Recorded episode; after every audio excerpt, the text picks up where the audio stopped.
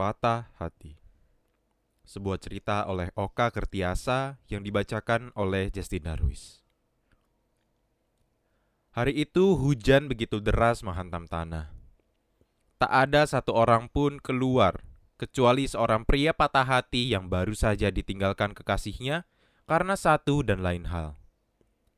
Basah adalah berkah sebab tangis tak lagi terlihat dari pipi. Hancur sudah terkoyak tak tersisa. Aku berjalan lunglai dengan motor bebek pemberian ayahku di kampungku sana.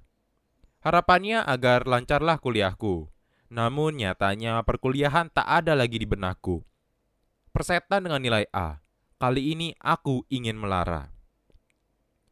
Jika kau penasaran dengan siapa yang mematahkan hatiku begitu hebatnya, mari ku kenalkan dia. Tapi tak perlu nama. Atau mari kita sebut saja Mita. Ia adalah perempuan yang sangat cantik, setidaknya di mataku. Seperti perempuan cantik lainnya, kau akan merasa sangat beruntung ketika dia memilihmu di antara laki-laki lainnya. Kau merasa bangga, congkak, dan seolah menaklukkan dunia. Seperti berpacaran dengan perempuan cantik lainnya juga, ia akan menancapkan dengan dalam luka pada hatimu yang malang yang padanya hanya mengenal sayang. Ya, begitulah. Kisahku dengannya berakhir dengan sebuah panggilan suara. Ya, mungkin melihatku saja sudah menjadi beban untuknya. Kita awali kisahku dengannya, dengan sebuah pertemuan. Ya, seperti cerpen cerita pada umumnya, aku dan dia bertemu di sebuah lorong perpustakaan saat dia membawa banyak barang lalu aku menabraknya. Ketika ku tahu aku membantunya, lalu tanpa sadar tangan kita saling bersentuhan, Lalu mata kita beradu pandang, memandang lekat, lalu kita ciuman, jadian, dan tamat.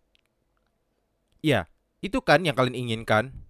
Cih, norak dan berlebihan. Sudahlah, tak usah diceritakan. Luka ini belum sembuh dan kenangan itu masih terlalu pilu untuk diceritakan. Aku membuka pintu indekosku yang sudah kusewa 8 bulan terduduk lesu bagai seorang yang kehilangan serambi kanannya sehingga serambi kirinya memompa darah dengan ngos-ngosan. Ya, seperti seorang patah hati pada umumnya. Semua terlihat tak adil. Rasanya ingin kubunuh saja kecoa yang sedang kawin di pojok kamarku dengan satu semprotan baygon yang mungkin sudah kadaluarsa sejak tahun lalu. Kekecewaan, kemarahan, dan penyesalan menghampiri tiada henti seolah semua mendukungmu untuk menyalahi diri sendiri. Mengkambingkan diri sendiri atas sebuah permasalahan yang mungkin memang tak sepantasnya diselesaikan.